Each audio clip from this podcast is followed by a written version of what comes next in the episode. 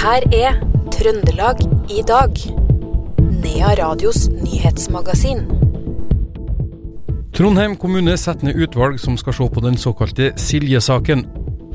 Nå tas det grep for å løse sykepleiermangelen i sørfylket.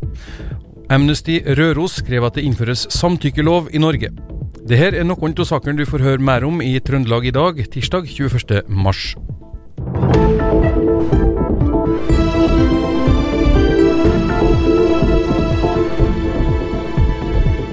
Og vi starter med den såkalte Silje-saken. For Trondheim kommune setter nå ned et utvalg som skal gjennomgå kommunens oppfølging av de berørte barna og deres pårørende i Silje-saken. Trondheim kommune var ansvarlig for de kommunale tjenestene barna og deres familier mottok i etterkant av hendelsen. Denne oppfølginga kan ha blitt påvirka av at de tre guttene ble betrakta å ha forårsaka Silje sin død. Oppvekst- og utdanningsdirektør Lasse Arntzen sier at de trenger en gjennomgang for å se om kommunen har gjort noe kritikkverdig.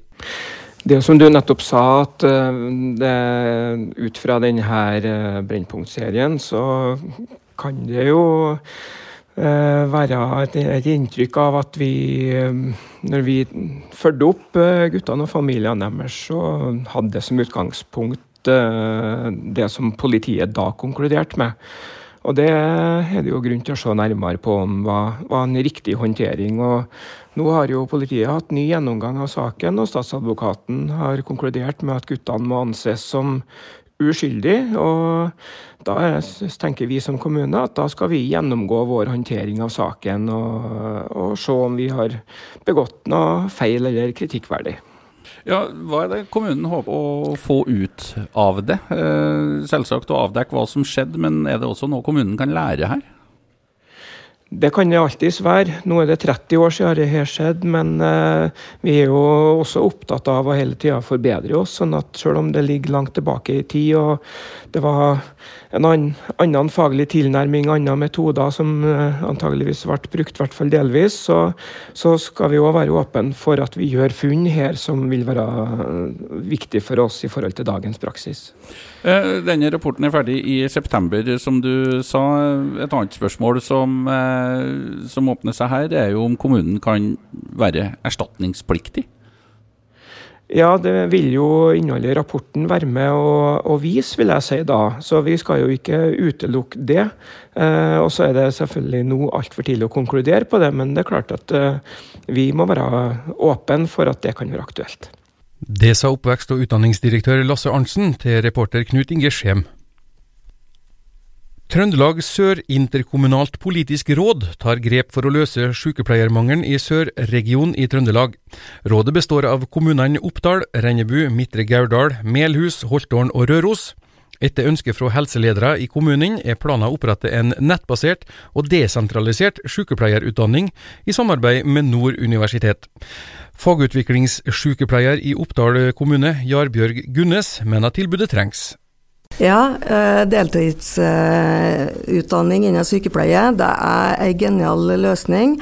Eh, for nå er det jo slik at mange har familisert seg og har både familie, hus og hjem og lån. Og da er det ikke så enkelt å bare si opp jobben sin og flytte til en storby for å ta utdanning. Mm.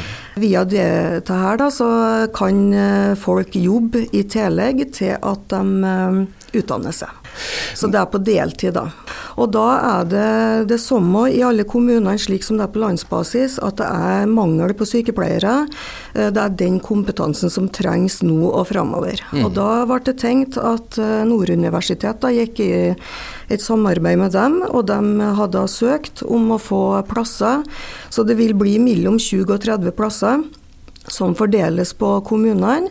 Eh, slik at, eh, at, folk da kan søke og få seg denne utdanninga, som det... går på fire år. da. Og her eh, es jo da ut dette absolutt alle Det går ut til alle innbyggerne i kommunen, så at du må ikke ha jobba innen helse tidligere eller ha noen slags utdanning.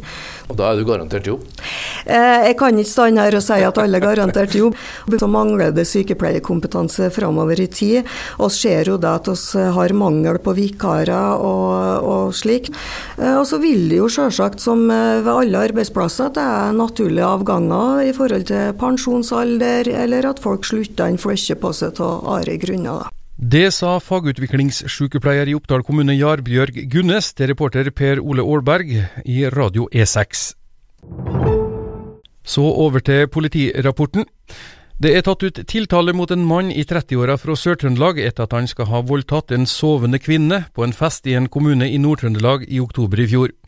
Mannen er tiltalt for å ha hatt seksuell omgang med noen som er bevisstløs eller som av andre grunner var ute av stand til å motsette seg handlingen. Mannen nekta straffskyld for tiltalen, som har en strafferamme på 15 års fengsel. Rettssaken er beramma til Trøndelag tingrett 9. mai, melder Trønderavisa. En kvinne i 30-åra er sendt til St. Olavs hospital med kuttskader etter at eh, helsepersonell rykka ut en bolig i Oppdal, skriver opp. Til avisa bekrefter operasjonsleder Roger Mokstad at politiet har pågrepet en mann som var til stede i boligen der hendelsen skjedde. Mokstad sier at det er litt uklar hendelsesforløp. Kvinna har forklart at skaden er selvpåført. Mannen nekta for å ha noe med det å gjøre, sier Mokstad. Avisa skriver videre at politiet ut fra avhør som ble gjort av de involverte, samt situasjonen på stedet, valgte å pågripe mannen. Og politiet i Trondheim bevæpna seg under en aksjon på Buran i Trondheim i går kveld. De undersøkte også området med drone, melder Adresseavisa. Årsaken var at det ble hørt et høyt smell eller skudd fra en leilighet i Østbyen. Politiet var på stedet og prøvde å lokalisere hvor smellet kom fra. Operasjonsleder Roger Mokstad sier til NRK med klokka 20 at de avslutta aksjonen etter at folk i leiligheta i et boligbygg er forespurt om smellet. En mann i 20-åra ble påkjørt av en bil i Trondheim sentrum i går kveld. Ifølge NRK-reporter på stedet skal bilen ha hatt lav fart da ulykken skjedde. Mannen ble ivaretatt av ambulansepersonell på stedet. Politiet avhørte de involverte og vitnet. Ei mindreårig jente ble utsatt for vold ved Torgkvartalet av andre mindreårige jenter i går kveld.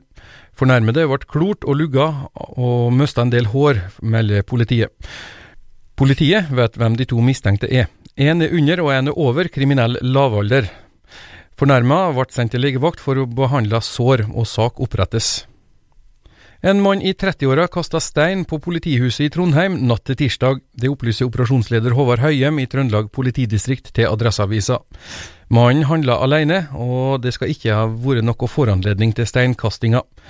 Høyem opplyser at det var politifolk i bygget da steinen ble kasta, men at det ikke skal komme trusler mot selve politihuset.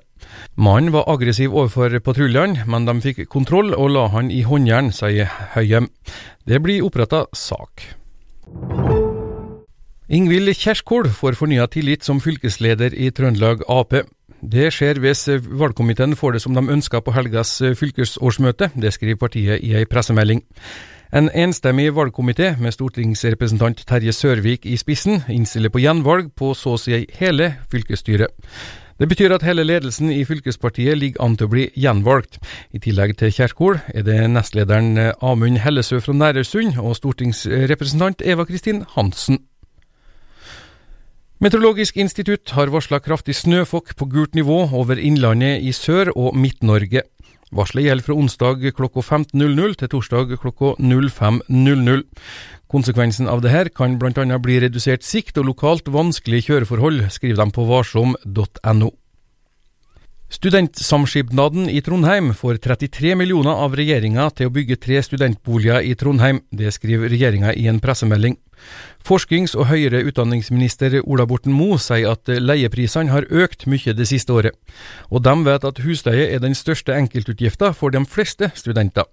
Å sørge for at det finnes god tilgang på trygge og rimelige bosteder for studenter er noe av det viktigste de kan gjøre for studentøkonomien, sier han. 50 hybler bygges i Trondheim med de her pengene, og til sammen så gir regjeringa 646 millioner til å bygge 1650 nye studentboliger. Trond Giske blir en av delegatene fra Trøndelag på Arbeiderpartiets landsmøte i mai. Det kommer fram i valgkomiteens endelige innstilling foran årsmøtet i Trøndelag Ap, som holdes eh, i helga på Hell, skriver Dagbladet. Delegasjonen fra Trøndelag er på totalt 42 representanter, og er dermed fylket med størst delegasjon på landsmøtet. Maktkampen i Arbeiderpartiet mellom Giskefløyen og Ap sentralt vil sannsynligvis prege årsmøtet. Nareas CK blir NRKs nyhetsredaktør i Trøndelag. Han får dermed det øverste ansvaret for NRKs nyhetsproduksjon i regionen, skriver NRK Trøndelag i en pressemelding.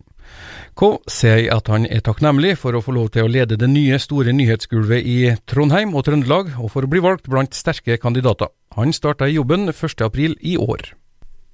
Frode Fjellheim, kjent for bl.a.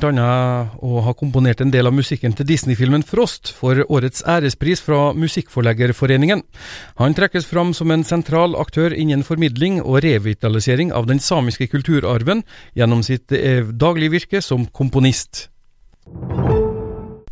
Trondheim kommune setter ned et utvalg som skal gjennomgå kommunens oppfølging av de tre guttene som var sikta i Silje-saken og deres sine pårørende. Det skriver kommunen i ei pressemelding. Trondheim kommune var ansvarlig for de kommunale tjenestene barna og deres familier mottok i etterkant av hendelsen. Denne oppfølginga kan ha blitt påvirka av at de tre guttene ble betrakta som å ha forårsaka Silje sin død. Oppvekst- og utdanningsdirektør Lasse Arntzen sier at rapporten er viktig for å se på om kommunen har gjort det den skal i saken. Det som du nettopp sa, at eh, det, ut fra denne eh, Brennpunkt-serien, så kan det jo være et, et, inntrykk av at vi, eh, når vi fulgte opp eh, guttene og familiene deres, så hadde det som utgangspunkt det som politiet da konkluderte med.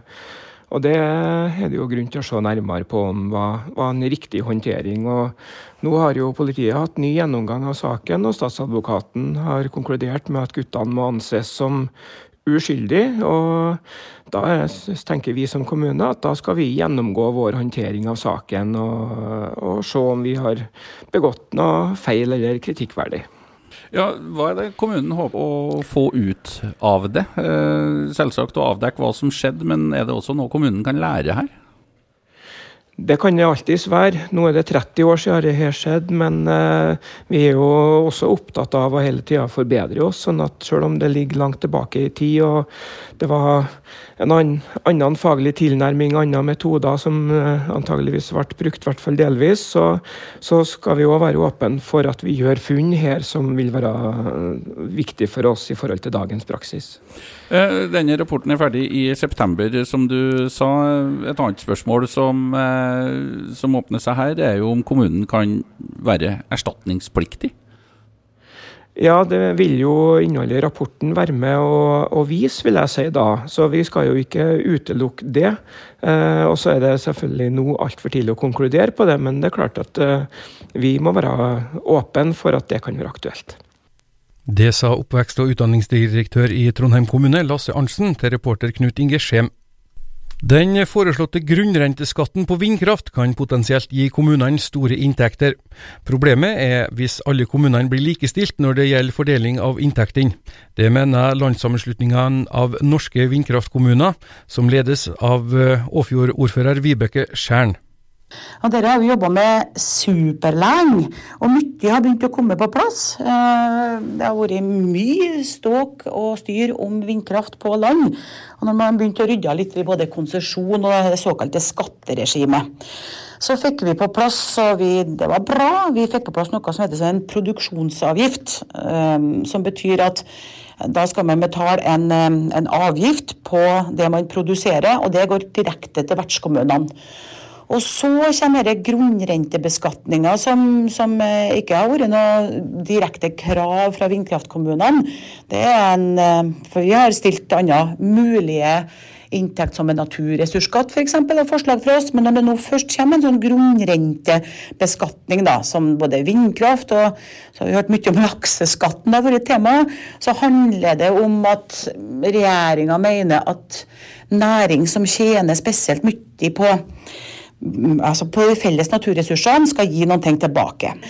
Grunnrente på vindkraft, så sier regjeringen at uh, her skal det ut med en uh, Man er oppe i en sånn 2,5 milliard har staten tenkt å tatt inn uh, på grunnrentebeskatning på vind, og halvparten skal gå til kommunesektoren, sier regjeringa.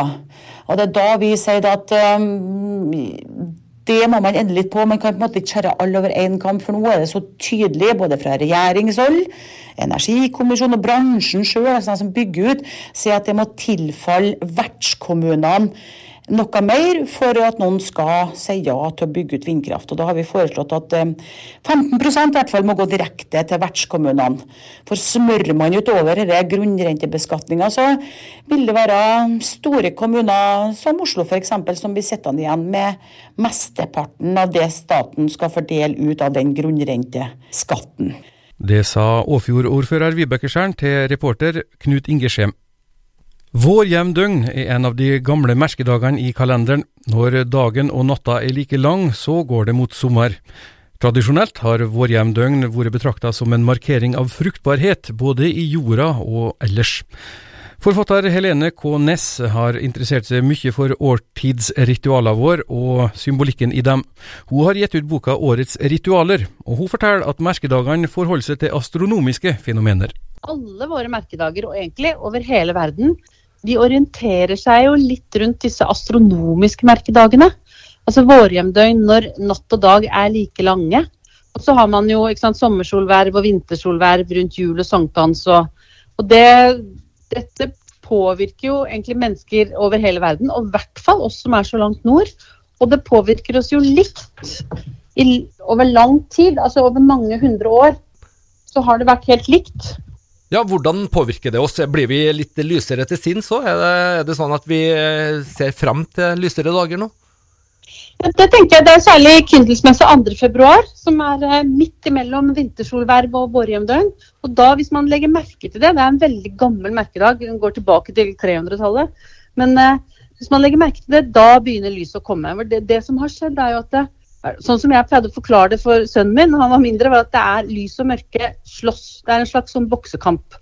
Og jula som vi akkurat er ferdig med, før jul så ser det veldig mørkt ut. Mørket bare vinner og vinner og vinner, og det blir bare mørkere og mørkere. Og vi tror også at tidligere så har folk alltid vært litt engstelige for at det kanskje bare lyset aldri kom tilbake. Man visste jo ikke helt hva som foregikk. Det sa forfatter Helene K. Næss til reporter Per Magne Moan. Og det var det vi hadde plass til i Trøndelag i dag, tirsdag 21. mars. I studio Odd Arne Hardås.